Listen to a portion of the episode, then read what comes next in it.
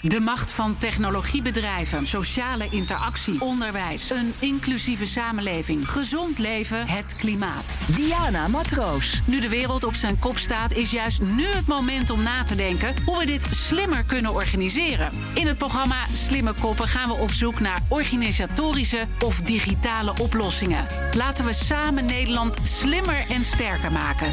Slimme Koppen, elke woensdag om 7 uur.